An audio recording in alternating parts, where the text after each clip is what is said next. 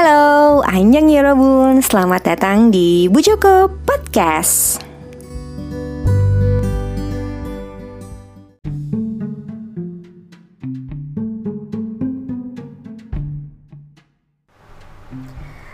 Oke Yorobun, selamat datang kembali di Bu Joko Podcast.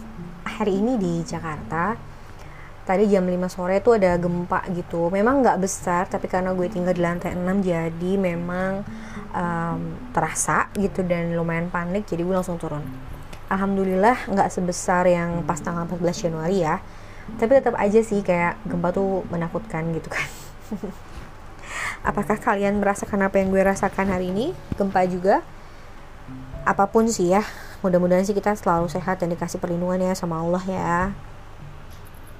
By the way, Yorobun, di episode kali ini gue akan membahas sebuah drama yang lagi ongoing dan gue nonton uh, drama ini bikin gue sadar kayaknya gue ternyata suka ya sama drama-drama yang genrenya kayak gini kayak misteri kayak uh, pengungkapan sebuah tindakan kriminal. Terus juga kemarin kayak uh, apa zombie-zombie di All of Us Are Dead gitu kan. Sepertinya gue mulai mendapatkan peningkatan dalam selera genre ya.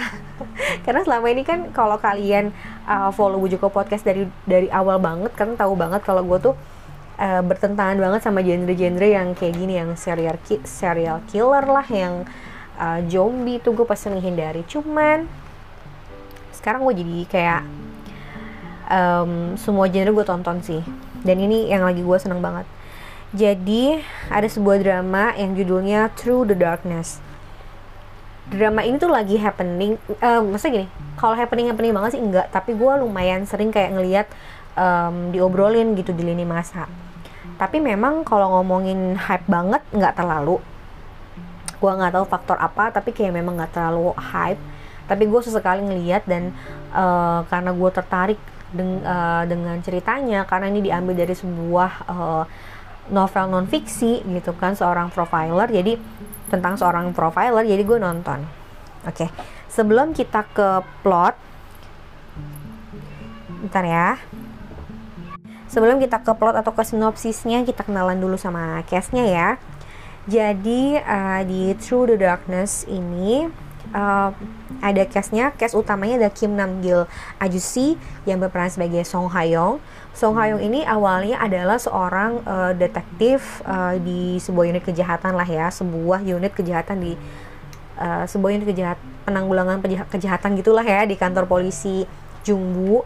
Terus dia akhirnya di eh di Jungbu apa di mana ya? Gue lupa. Pokoknya dia akhirnya di inilah di uh, di apa namanya dipindahin gitu ya ke kantor polisi lain. Yang akhirnya uh, karena dia ini orangnya uh, gimana ya jujur terus juga empatinya tinggi banget sama korban dan keluarga korban akhirnya dia tuh uh, ketemu di, diketemukan oleh seorang uh, Kok Kyung So uh, dia orang apa sih namanya inafis lah ya kalau di kita mah jadi orang apa sih namanya forensik. Kalau di Indonesia namanya inafis kan kalau di sana namanya eh Inafis Badan Forensik Nasional. Kalau di sana ya semacam badan-badan uh, forensik nasional gitu uh, si Kok Kyung So diperankan oleh Jin Sung Kyu. Dia akhirnya menemukan Song Hayong ini bahwa kayaknya dia cocok untuk jadi seorang profiler yang mana pada saat itu tuh belum ada profiler di Korea tahun itu ya. Um, tahun 1998 kalau nggak salah. Nah selain ada Kim Nam Gil yang berperan sebagai Song Hayong, ada Jin Sun Kyu yang berperan sebagai Kok Kyung Soo yang orang uh, forensik, ada juga Ryo Eun yang berperan sebagai Jung Woo Ju. Kalau kalian lihat orang ini pasti uh, dia tuh termasuk sebenarnya Rocky ya, cuman kayak perannya ini eh karirnya tuh kayak tahun dari tahun 2021 tuh mulai melejit ya, mulai kayak banyak membintangin banyak drama gitu kan. Yang tadinya cuma cameo cameo terus jadi kayak mulai mulai dapat banyak sorotan gitu ya. Mungkin yang nonton uh, eight, uh, berapa ya? 18 again apa itu pasti akan ini sih uh, namanya apa namanya itu akan akan ya di 18 again pasti akan notice gitu ah dia gitu kan. On di sini berperan sebagai Jung Wooju uh, dia kalau nggak salah perannya tuh Jung Wooju tuh sebagai seorang data analis statistik gitu yang nantinya akan satu tim dengan Kim Nam Gil uh, itu Song Hayong dan juga Ko Kyun So Ko Kyung Soo Selain ada mereka bertiga yang tergabung dalam uh, tim analisa perilaku gitu ya. Tim analisa kejahatan eh, tim analisa perilaku gitulah ya istilahnya. Sebenarnya tim tim profiler gitu, cuman karena waktu itu belum belum terlalu uh, familiar dengan istilah itu maka disebutlah bahwa timnya Kim Namgil dan kawan-kawan itu adalah uh, crime behavior analyst team Nah, ada juga dong otomatis karena ini bercerita tentang hukum, berarti ada polisi-polisinya, ada detektif-detektifnya. Ada sosok perempuan yang menarik perhatian banget. Gue sih tuh biasa baru lihat baru lihat dia di sini. Atau mungkin sebelumnya gue pernah lihat tapi gue nggak notice. Nah, di sini dia ada uh, Kim Sojin berperan sebagai Inspektur Yun Tae-go. Eh, Kapten. Kapten Yun Tae-go. Dia uh, Yun Tae-go ini salah satu detektif perempuan yang sepertinya di tahun itu uh, ceritanya tuh kayak masih ada diskriminasi gender gitulah ya. Jadi kalau misalnya kepalanya perempuan tuh uh, kepala satu tim itu perempuan jadi kayak kurang dihargain gitu loh. Tapi dia tuh bener-bener yang menunjukkan jadi sosok yang emang savage banget gitu. Menurut gue berani banget dan sangat-sangat keren gitu. Ini juga um, dia juga kalau gue ngerasanya kayak ada sesuatu deh antara dia dengan Song Hayong gitu dengan si Kim Nam Gil entah apa tapi menurut gue kayak kalau romance sih gue nggak berani ngarep ada romance ya since ini emang uh, ya tentang pembunuhan gitu. Jadi kayak mungkin gak sih ada romance gitu? Nggak berani berharap. Cuman sepertinya ada perasaan yang apa ya mengganjal gitu di antara keduanya gitu ya. Entah apa gitu lah pokoknya. Yang pasti menurut gue ada dari 100% mungkin ada 10% lah ya rasa simpati atau perasaan apalah itu namanya uh, yang dirasain sama Yun Taegu ke si Song Hayong kalau gue ngeliat sih gitu. Ada juga Baek Jun Sik yang diperankan oleh Lee Daeyeon ya ya kepala inspektur gitulah. Dan banyak lagi sebenarnya kalau dari polisi ya. Terus karena ini namanya juga melibatkan kepolisian dan kalau kepolisian tuh pasti dia menghadapi sebuah kasus dan kasus itu nggak akan sampai ke masyarakat kalau nggak ada yang namanya media ya kan. Ada orang media juga di sini ada Hadokwon. kalau yang pernah nonton um, apa namanya uh, Penthouse pasti kalian akan kenal deh. Yang berperan sebagai Shin Ki Ho. Lalu ada reporter Choi Yun Ji yang diperankan oleh Kong Song Ha reporter in musik ya ini agak rese yang diperankan oleh Lee Nahi dan lain sebagainya banyak sih oh banyak banyak banyak banyak banget lah case-nya oke setelah kita kenalan sama case-nya mari kita uh, bicarakan drama ini tentang apa sih gitu kan jadi based on my point of view drama ini tuh menceritakan tentang um, awal mula munculnya atau awal mula terbentuknya sebuah profesi di Korea yang namanya profiler kriminal gitu. Jadi kalau dulu-dulu kan kayak uh, kalau sekarang mungkin kita udah udah familiar ya oh profiler kriminal kita udah mulai familiar gitu dengan istilah tersebut dan memang ada uh, ada gitu uh, ininya apa namanya uh, jabatannya tuh ada posisinya tuh ada. Dulu nih nggak ada. Jadi drama ini menceritakan tentang seorang profiler yang uh, apa ya profiler yang lagi struggle untuk untuk uh, menunjukkan sama dunia kalau setiap kejahatan itu kita tuh bisa melihat uh, background dari uh, karakteristik atau background dari uh, perilaku si uh, pelaku itu gitu loh. Jadi apa sih yang mendorong dia ngelakuin hal tersebut? Lalu apa namanya?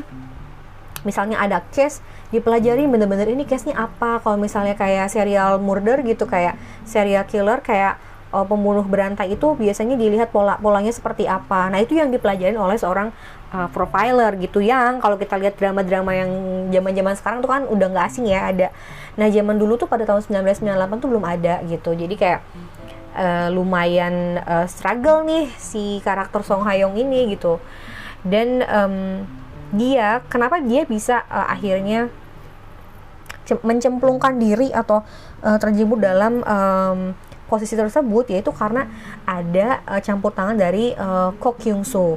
Inspektur Ko Kyung Soo itu sebenarnya orang senior lah ya pejabat di Badan Forensik Nasional Korea gitu dan dia ini karena open minded ya gitu dan dia sering uh, baca banyak buku jadi dia tahu bahwa di Amerika sana tuh ada orang yang mempelajari profesi yang mempelajari uh, karakteristik dari uh, apa namanya atau pikiran dari si murder gitu jadi dari dari pembunuhnya gitu pembunuh ya ini pas lagi ngelakuin kejahatan itu apa sih yang dia pikirin gitu loh? Kenapa sih bisa sampai kayak gitu? Nah sebenarnya dengan mempelajari pola-pola dari kejahatan tersebut jadinya kan sih itu juga ngebantu dari, ngebantu dari uh, tugas polisi juga. Jadi polisi sama detektif kan jadi lebih mudah memetakan oh berarti uh, kalau misalnya apa pola kejahatannya seperti ini dilihat dulu nih sama si profiler uh, kita akan mengerucutkan kepada satu titik atau satu apa ya satu kotak atau satu lingkaran yang emang yang akan kita tuduh menjadi uh, ininya pelakunya gitu loh. Kalau nggak ada profiler kan susah ya kita nuduhnya gimana based on apaan gitu loh. Nah akhirnya mereka berdua uh, disetujui lah oleh uh, pihak uh, atas atasan atas atasan di atas astagfirullah terburu terburu. Terburu-buru nih gue jadi belibet sorry sorry. Jadi sama atasan-atasan di kepolisiannya disetujui untuk membentuk sebuah tim yang oke okay deh katanya kita challenge setahun. Kemudian diperpanjang lagi sampai akhirnya kalau nggak salah tiga tahun. Sebenarnya target mereka adalah 10 tahun aja deh gitu. Untuk uh, bikin kepolisian tuh yakin bahwa ini loh profesi profesi uh, apa namanya? Profiler kriminal itu ada bener dan itu tuh bermanfaat banget untuk uh, kepolisian gitu kan. Tapi ya itu tadi bahwa uh, apa namanya yang nggak akan berjalan dengan mulus begitu aja gitu. Apalagi kan ini sebuah jalan yang baru. Kalau kata di dramanya ada kutipan yang gue suka banget. Sebuah jalan yang baru tentu saja akan sepi terlebih dahulu. Jadi uh, sebuah jalan yang baru pasti uh, tidak banyak orang yang melaluinya gitu loh. Karena ini baru tapi kalau jalan yang udah ada atau profesinya udah ada udah orang udah mulai familiar gitu dan mulai banyak orang yang percaya seperti itu. Begitu pun begitu pun dengan uh, profiler yang pada tahun itu uh, gue minta maaf kalau misalnya gue salah nyebutin tahunnya ya. Kalau nggak salah itu tahun sekitar 1998 gitulah ya kejadiannya. Pada saat itu emang belum belum ada si profiler ini gitu. Dan kejahatan apa sih yang akhirnya uh, membuat bahwa oke okay, Korea butuh uh, seorang profiler kriminal gitu. Jadi kalau di drama ini diceritain bahwa sebuah kasus tentang pembunuhan yang dilakukan oleh seseorang memakai topi merah gitu. Itu sih awal mula kasusnya karena kayak ini kok kayak berantai tapi tuh ini orang uh, apa ya istilahnya punya pakem-pakem tersendiri dalam melakukan kejahatannya cuman nggak ketangkep susah banget gitu bahkan sempat salah tangkap dan sebagainya gitu.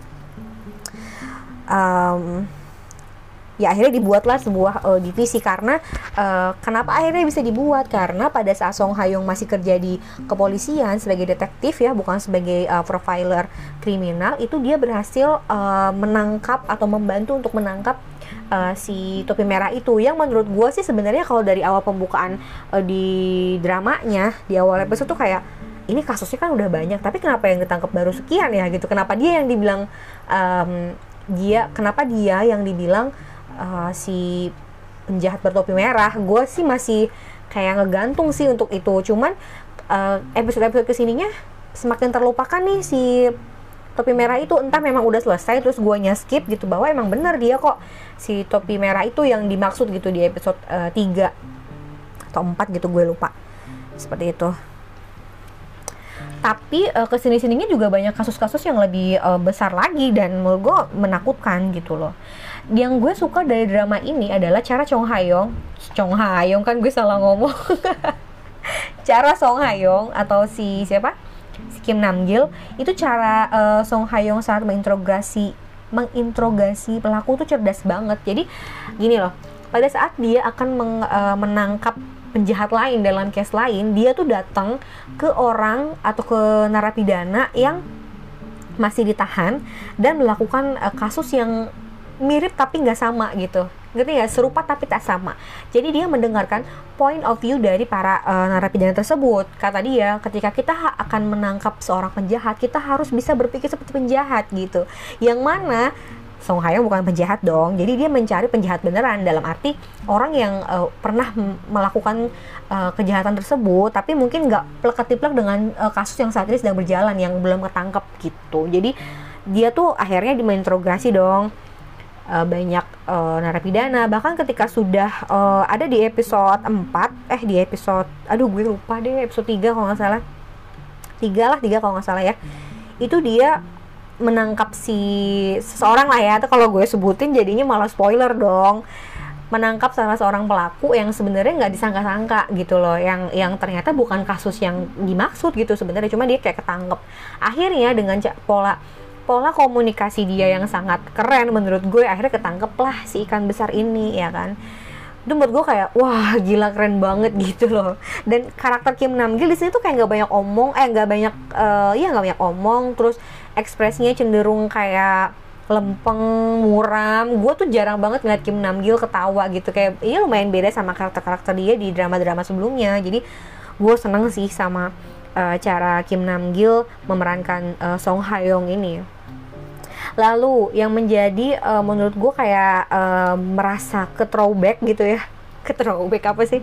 Jadi di, ada di episode 4 ada kasus yang agak mirip dengan nggak bukan agak mirip. Jadi ketika gue melihat kasus di episode 4 gue ngerasa kayak kok gue kayak ngelihat uh, Beyond Evil yang itu ya yang episode jari-jari yang dimutilasi itu. Itu gue sempet kayak kepikir tapi tapi beda. Tapi setelah lo lihat lagi ternyata beda. Ini nggak sama sih. Maksud gue kayak ya kasus mutilasi mungkin di setiap uh, cerita atau drama tentang pembunuhan yang sadis mungkin akan ada gitu. Cuman kayak gue sempet kayak agak dijawab wih kayak itu ya kayak biar tapi setelah gue lihat lagi enggak sih. Cuman ya itulah uh, kejahatannya mirip-mirip gitulah.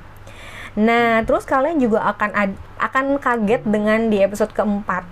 Episode 4 akhir pas mau ke episode 5 itu kan akan melihat seorang seseorang yang kalian kaget kali ya. Familiar juga mungkin dengan sosok itu karena cowok ini pernah main di happiness ya kan? Ntar kalian lihat aja deh ah kok dia? Gitu. Gue juga sempat kayak ini siapa ya? Ini siapa? Oh iya dia ini dia akan ada di situ sosok ini. Gue nggak bilang dia siapa jadi siapa cuman dia akan ada di sana di episode 4 akhir jadi mau ke episode 5 dan sampai episode 6 dia masih ada di situ gitu pemain penthouse. Eh penthouse. Pemain happiness. Pemain happiness. Um, salah satu inilah salah satu um, yang kita waktu dia nggak ada kita nangis. Oh gue nggak nangis sih gue kayak sedih gitu. Ya menyayangkan bahwa sosok itu dimakan sosok itu mati sih di happiness. Clue-nya dia mati di happiness cuman nggak dimakan zombie. Dia mati aja. Tapi di sini dia agak menyebalkan. Di di apa di Through the Dark Through Through the Darkness dia agak menyebalkan nonton ya nanti ya.